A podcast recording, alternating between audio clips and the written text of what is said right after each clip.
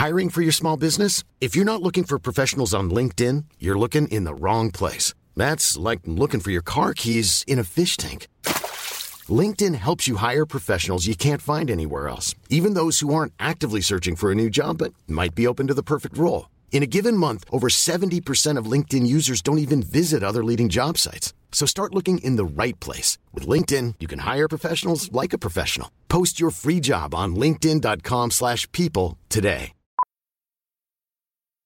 Millions of people have lost weight with personalized plans from Noom. Like Evan, who can't stand salads and still lost 50 pounds.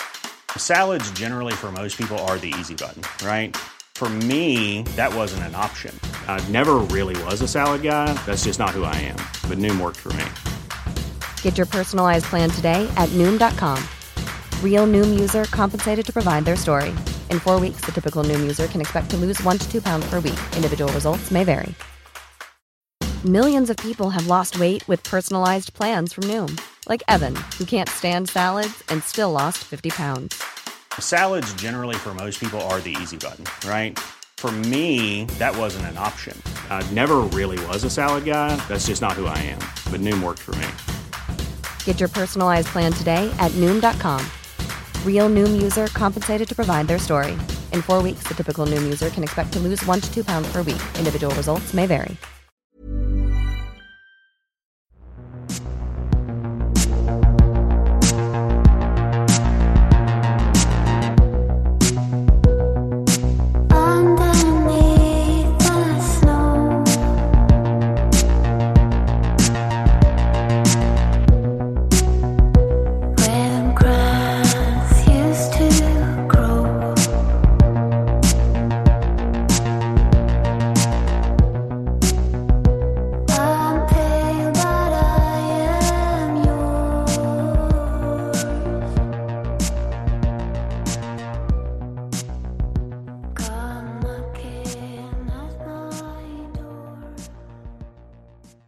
Olösta mord, Biggie och Tupac, del 7. Jag heter David Oskarsson och det är jag som har skrivit det här avsnittet.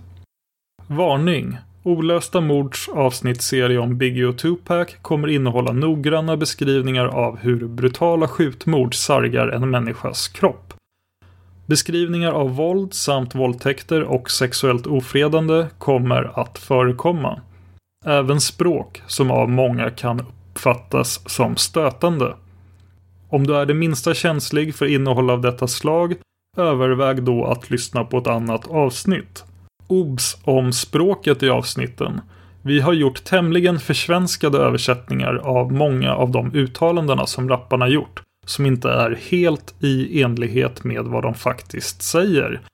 Detta för att det ska bli enklare att förstå för dig som lyssnar. Många slanguttryck saknar perfekta motsvarigheter på svenska. Fredagen den 13 september 1996 avled Tupac Shakur av de skottskador han åsamkats den 7 september. Bara någon timme efter att Tupac somnat in blev han körd från sjukhuset till bårhuset, Davis Mortuary, för obduktion. Resan dit passerade obemärkt, utan att några av Tupacs anhöriga eller några journalister följde efter. Efter obduktionen fastställdes den officiella dödsorsaken som andningssvikt och hjärt-lungstillestånd i anslutning till flertalet skottskador. Fotografier från obduktionen skulle läcka ut till media och allmänhet och det är framförallt ett svartvitt fotografi föreställandes Tupac efter obduktionen som blivit känt. På detta foto ses han i halvbild, liggandes på en vit brits med huvudet vänt åt sin vänstra sida. Han är uppskuren ovanför axlarna och från bröstkorgen ned till skrevet. Ett så kallat Y-snitt som används vid just obduktioner. Tupac kremerades påföljande dag, lördagen den 14 september och hans aska gavs till hans mamma. Tio år efter detta, 2006, spreds Tupacs aska på en helig plats i staden Soweto, en fattig kåkstad i provinsen Gauteng i Sydafrika. I en artikel för tidningen The Sydney Morning Herald sade Tupacs mamma Afeni Shakur att det betydde mycket för henne att hennes sons aska spreds på en plats, citat, som är en så viktig del av vår historia, födelseplatsen för den sydafrikanska kampen för demokrati. Slutcitat. Närvarande vid ceremonin var ingen mindre än Nelson Mandela. Mamma Afeni Shakur säger i tidningsintervjun att hon hoppas att Tupac Amaru Shakur Center for the Arts, en mindre konstskola för utsatta och fattiga barn som startats för att hedra Tupacs minne, skulle kunna samarbeta med Nelson Mandela Foundation, den ideella organisationen som startades i Nelson Mandelas namn för att främja demokrati. Men det ska bara ha varit en del av Tupacs aska som spreds i Sydafrika. Enligt ett rykte, eller kanske en legend, heter det att flera av Tupacs rapkollegor i gruppen Outlaws blandade en del av Tupacs aska med marijuana, rullade en joint av blandningen som de sedan rökte. Det är mycket svårt att säga om detta är sant. Samtidigt skulle det inte vara den enda spektakulära händelsen som inträffat efter Tupacs död. Faktum är att han är en av många kända personer som vissa menar fortfarande lever. Det kan vara värt att jämföra med andra musiklegender som till exempel Elvis Presley. Det går även att göra en jämförelse med Beatles-medlemmen Paul McCartney som är högst levande idag 2023 men som många fans menar dog redan i november 1966 och sedan dess varit ersatt av en lookalike, alltså en imitatör. I Tupacs fall skulle han för många nog fortsätta kännas väldigt levande en lång tid framöver då han, trots sin bortgång, inte slutade släppa musik. Tidningsartikeln vi nämnde ovan, från 2006, estimerar att Tupac, bara 25 år gammal, han lämna efter sig 800 inspelade låtar. Det går inte att förneka Tupacs produktivitet. Hiphopartister och rappare är, i musikbranschen, särskilt duktiga på att ständigt släppa nya låtar och album. Men Tupac var extrem när det kommer till den saken. Han spelade in fyra stycken studioalbum mellan 1991 och 1996. Efter sin död har han släppt sju album mellan 1996 och 2006.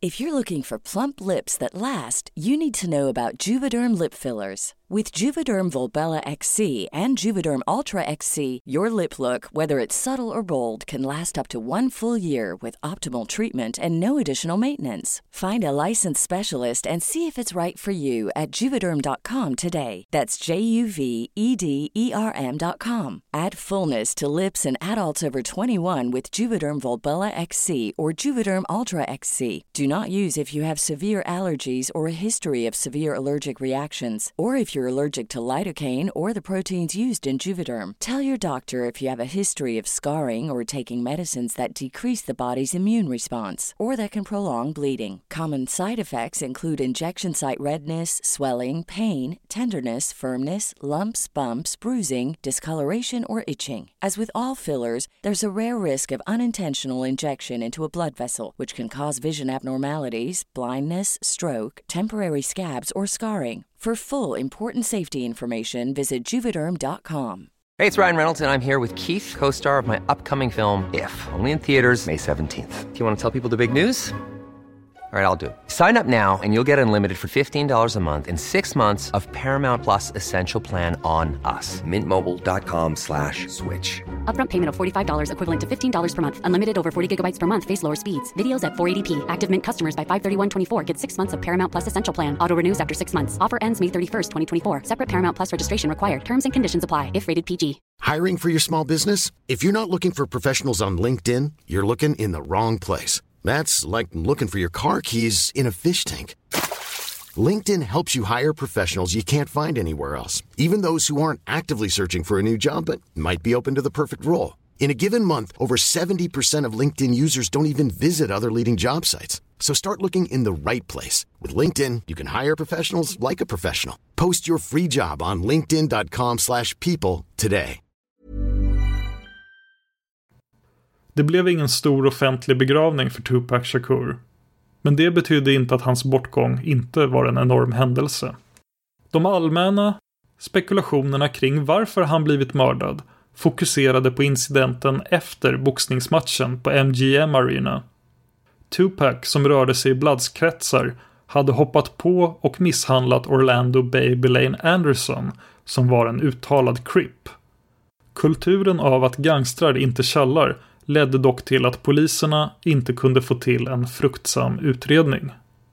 Den 14 september, dagen efter Tupacs död, samlades Mob Pyro Bloods i parken Looters Park i Compton. Enligt uppgift hade de ett möte om vad det faktiskt var som hade hänt i Las Vegas. Diskussionerna ledde till ett konstaterande att det var Crips som låg bakom mordet och därmed var det nu fritt fram för alla allierade med Bloods att skjuta ned Crips bara de såg dem. Svallvågorna från ett mord i Las Vegas bäddade alltså för ett inbördeskrig i Los Angeles. Vi har inte utrymme i de här avsnitten för att ta upp samtliga av skjutningarna som skedde, men det var många Bloods och Crips som avlossade skott mot varandra efter Tupacs bortgång. En Crip blev rent utav skjuten dagen efter att Tupac hade skjutits, den 10 september, innan Tupac ens hade dött. Suge Knight hade år 1995 blivit dömd för en misshandel av två män som skedde så tidigt som år 1992. Vid tiden för mordet på Tupac i september 1996 var Shug därför inte helt och hållet en fri man utan endast villkorligt frigiven. Shugs delaktighet i misshandeln av Orlando Anderson kort innan Tupacs mord ledde till att Shug den 22 oktober 1996 dömdes till nio års fängelse för att ha brutit mot sin villkorliga frigivning. Biggie ska ha blivit bestört när han fick se nyheten om Tupacs död på TV. Enligt hans fru Faith Evans, som han inte bodde ihop med vid detta tillfälle, skall han ha ringt upp henne och med gråten i rösten sagt Det är något som inte är som det ska Faye. Det gick åt helvete med hela skiten. Men det där, det var min kompis. Två dagar efter Tupacs död, den 15 september, blev Biggie och hans rapkollega Lil Cease gripna för innehav av marijuana. I samband med detta blev Biggies Lexus, bilen som de hade kört vid tillfället, beslagtagen.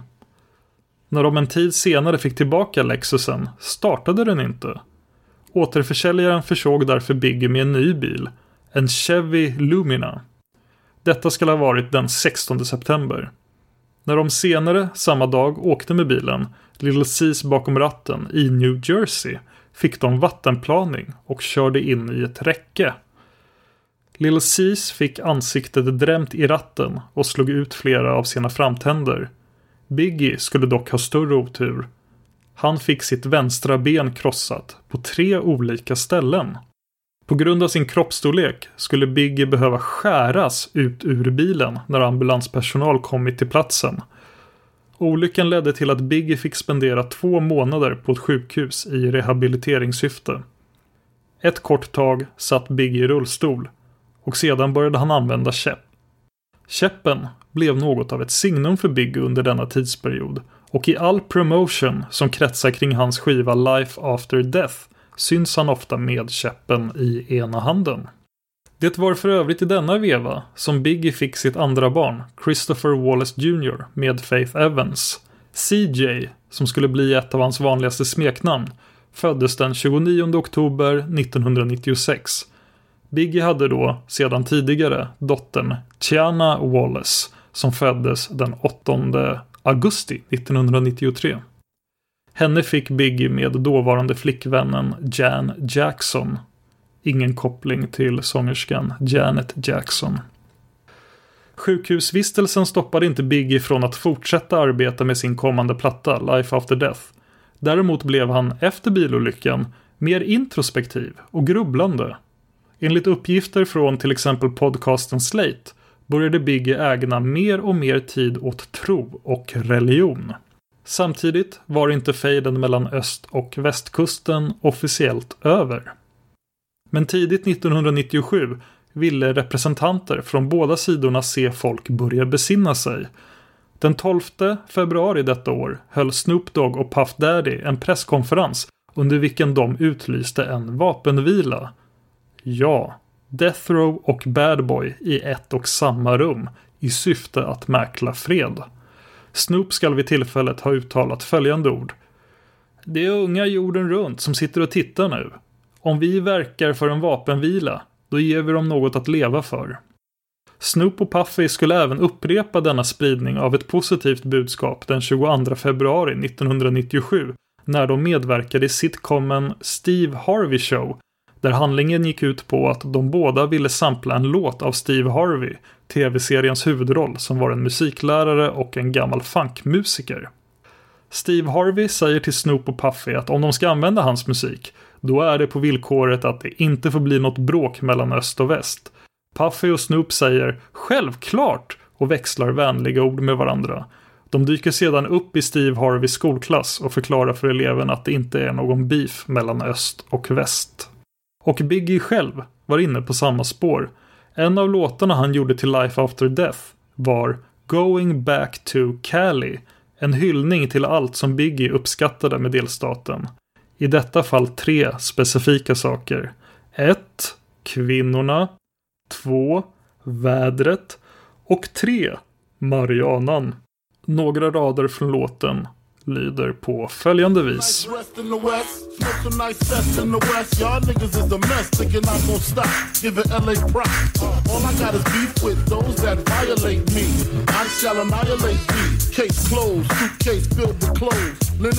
Things. Puff Daddy tyckte att denna låt var en utmärkt idé och såg den som ett tillfälle att fortsätta visa västkusten goodwill och en gång för alla eliminera den destruktiva fejden.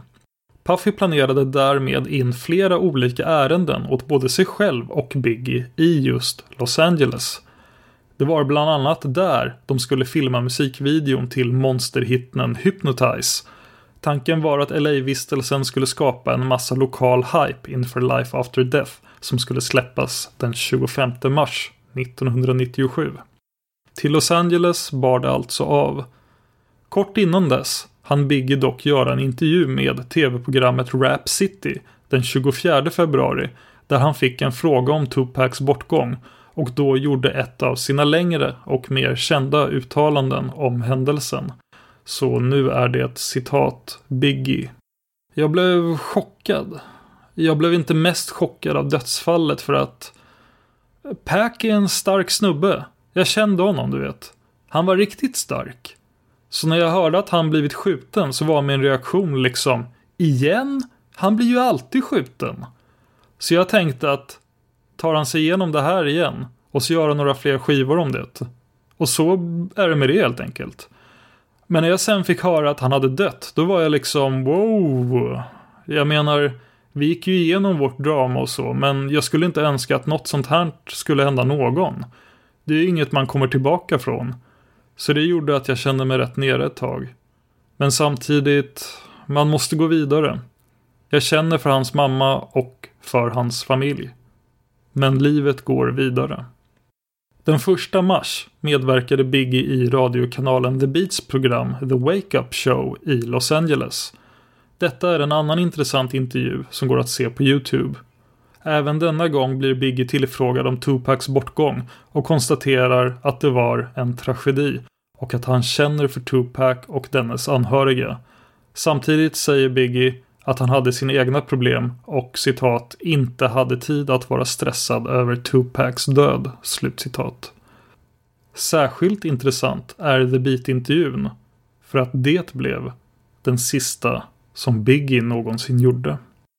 Den 7 mars 1997 befann sig Biggie Smalls i Los Angeles i Kalifornien för att delta på årets Soul Train Music Awards-gala.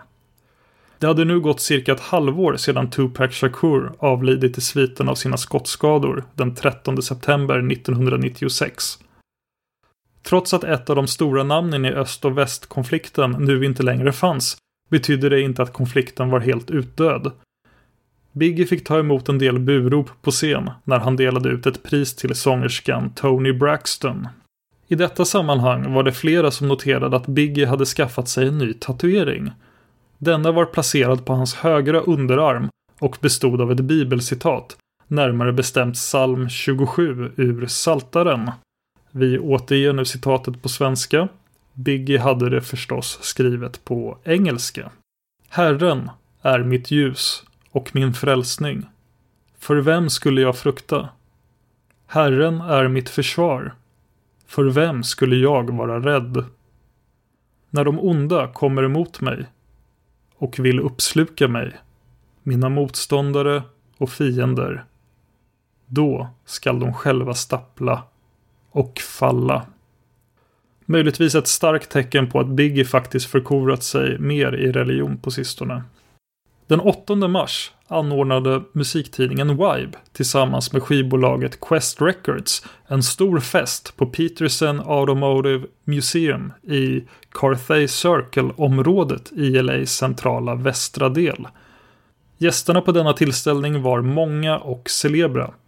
Och några som dök upp var förstås Bad Boy-gänget. På bortaplan, men med samma strålglans som vanligt. Enligt uppgift hade Biggie egentligen ingen lust att gå på den här galan, men Puff Daddy hade insisterat. Det fanns många anledningar till att det var just här och nu som Biggie behövde synas. Delvis på grund av den kommande skivan, men också för att visa sig totalt obrydd inför den potentiella säkerhetsrisken det innebar för en New York-artist att befinna sig i LA. Biggie satt mest ner på en stol under hela festen, drack Crystal champagne och tog många bloss av de joints som skickades runt. Han skakade hand med medlemmar från både Bloods och konkurrerande Crips som verkade ha kommit överens om att närvara på festen i samförstånd utan bråk och konfrontationer. Andra celebra personer som närvarade på festen var Biggies fru Faith Evans, filmskaparna Wayans-bröderna, som ju är särskilt kända för Scary Movie-filmserien, Även sångerskan Whitney Houston, skådespelaren och komikern Chris Tucker, som är känd till exempel från Jackie Brown och Rush Hour-filmerna med Jackie Chan. Skådisen Vivica A. Fox, som många har sett i Kill Bill volym 1. Chris Cross-producenten Jermaine Dupri, som vi berättat om tidigare. Och även artister som Missy Elliott, Timbaland och den sedan 2001 avlidna sångerskan och skådespelerskan Alia som omkom i en flygolycka. Strax innan 23.00 tillkallas polis då festen urartar. Inte på grund av våldsamheter utan för att det kommit dubbelt så många människor som festarrangörerna räknat med. Faktum är att det har dykt upp så mycket folk att det bildats en lång kö utanför lokalen och den fanns det inte personal till att hantera. Klockan var fem minuter över midnatt och den 8 mars 1997 hade blivit den nionde när Biggie och Badboy-gänget bestämt sig för att lämna tillställningen.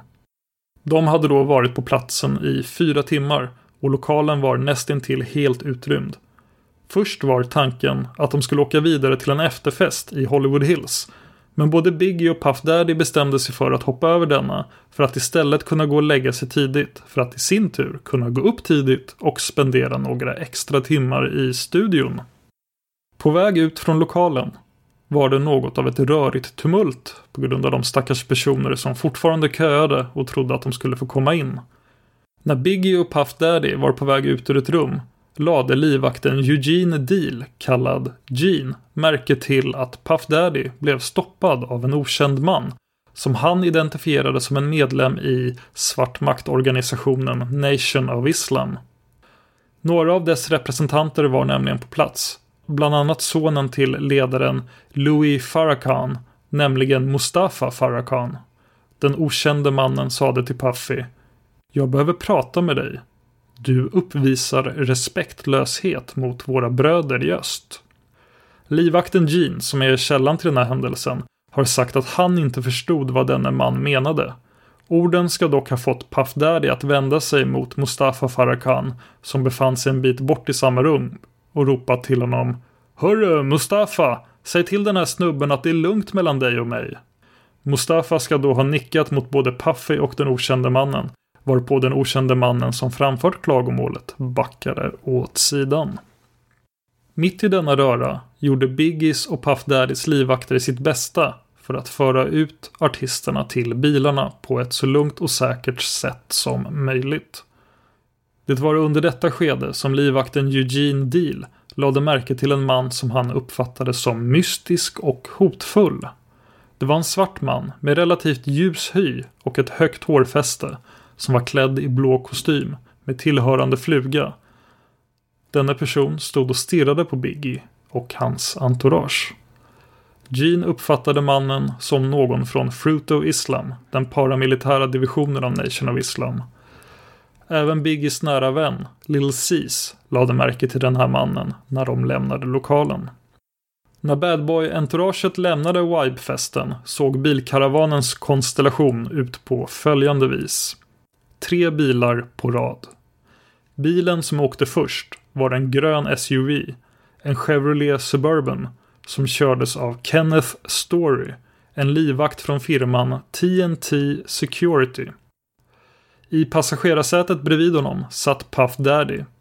I baksätet satt Steve Jordan, Anthony Jacobs och Eugene Deal, samtliga tre livvakter. Bilen som följde efter den första var ytterligare en grön SUV, också en Suburban. Den kördes av Biggies vän och chaufför Gregory G. Money Young. I passagerarsätet till höger om honom satt Biggie. I baksätet satt D-Rock, Lil Cease och Groovy Lou, alla Biggies kompisar. Dessa två bilar följdes av en Chevrolet Blazer som kördes av Reggie Blaylock. I passagerarsätet bredvid honom satt Paul Offord. Båda dessa var också livvakter och dessutom säkerhetsansvariga. När bilarna ska till att lämna platsen kör den första bilen med Puff Daddy sakta så att bilen bakom med Biggie ska hinna komma ikapp dem.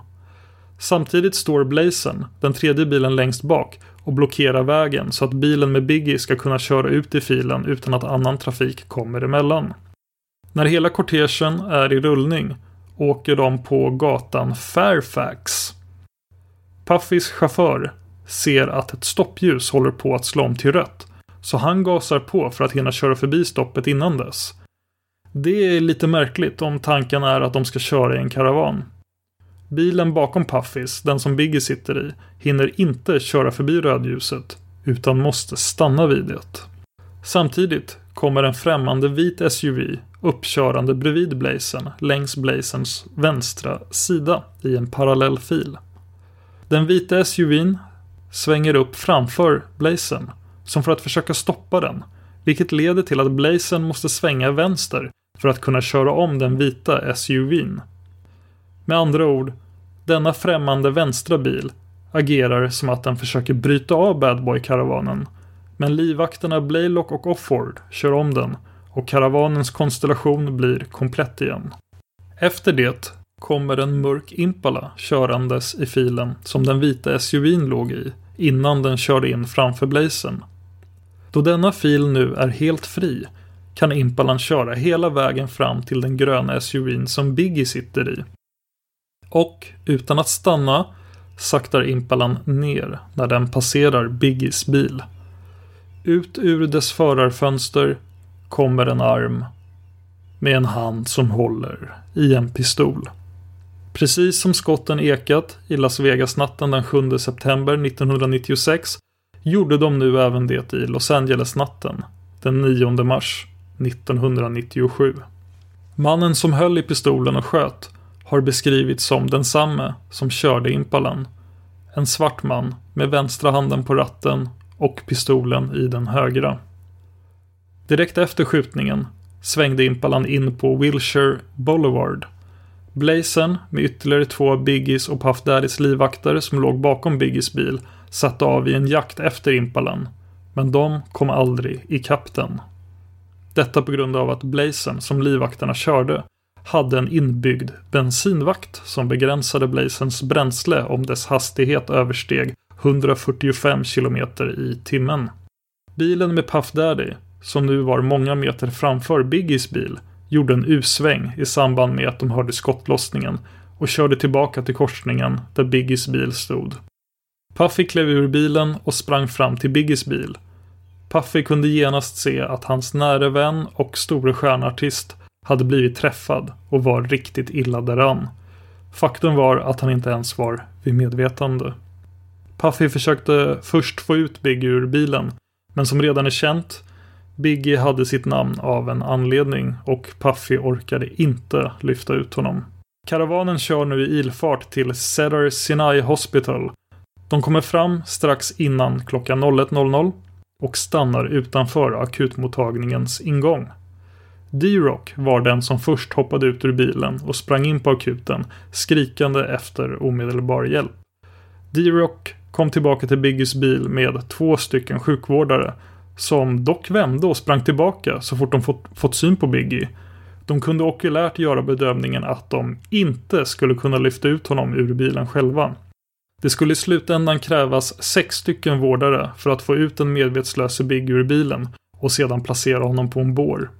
En anmärkningsvärd syn var att det inte rann något blod från Biggies kropp, trots att han hade blivit skjuten flera gånger. Fettvalkarna förhindrade detta, vilket också försvårade för läkarna att förstå exakt hur han hade blivit skadad. Biggie fördes in på akuten och återupplivningsförsök tog genast vid. Ute i akutens lobby stod Puff Daddy på knä och bad till Gud att Biggie skulle klara sig samtidigt som Little Seas låg bredvid honom på golvet och grät. Kort därefter kom Faith Evans till sjukhuset. Sedan var det bara en fråga om minuter innan en läkare kom fram till Puffy och Faye och förklarade att Christopher Wallace blivit dödförklarad kvart över ett på natten. Biggie Smalls, även känd som Notorious B.I.G. född som Christopher George Latour Wallace, blev 24 år gammal. Maila oss dina teorier om fallen som vi tar upp på simwaypodcast@gmail.com. Det är Z-I-M-W-A-Y podcast gmail.com. Jag som har skrivit och läst detta avsnitt heter David Oskarsson. Tack till Eva Martinsson för klippningen. Tack till Trippnaha för låten Immune som ni hör i början och slutet av varje avsnitt. Och till slut tack till dig för att du lyssnar på Olösta mord.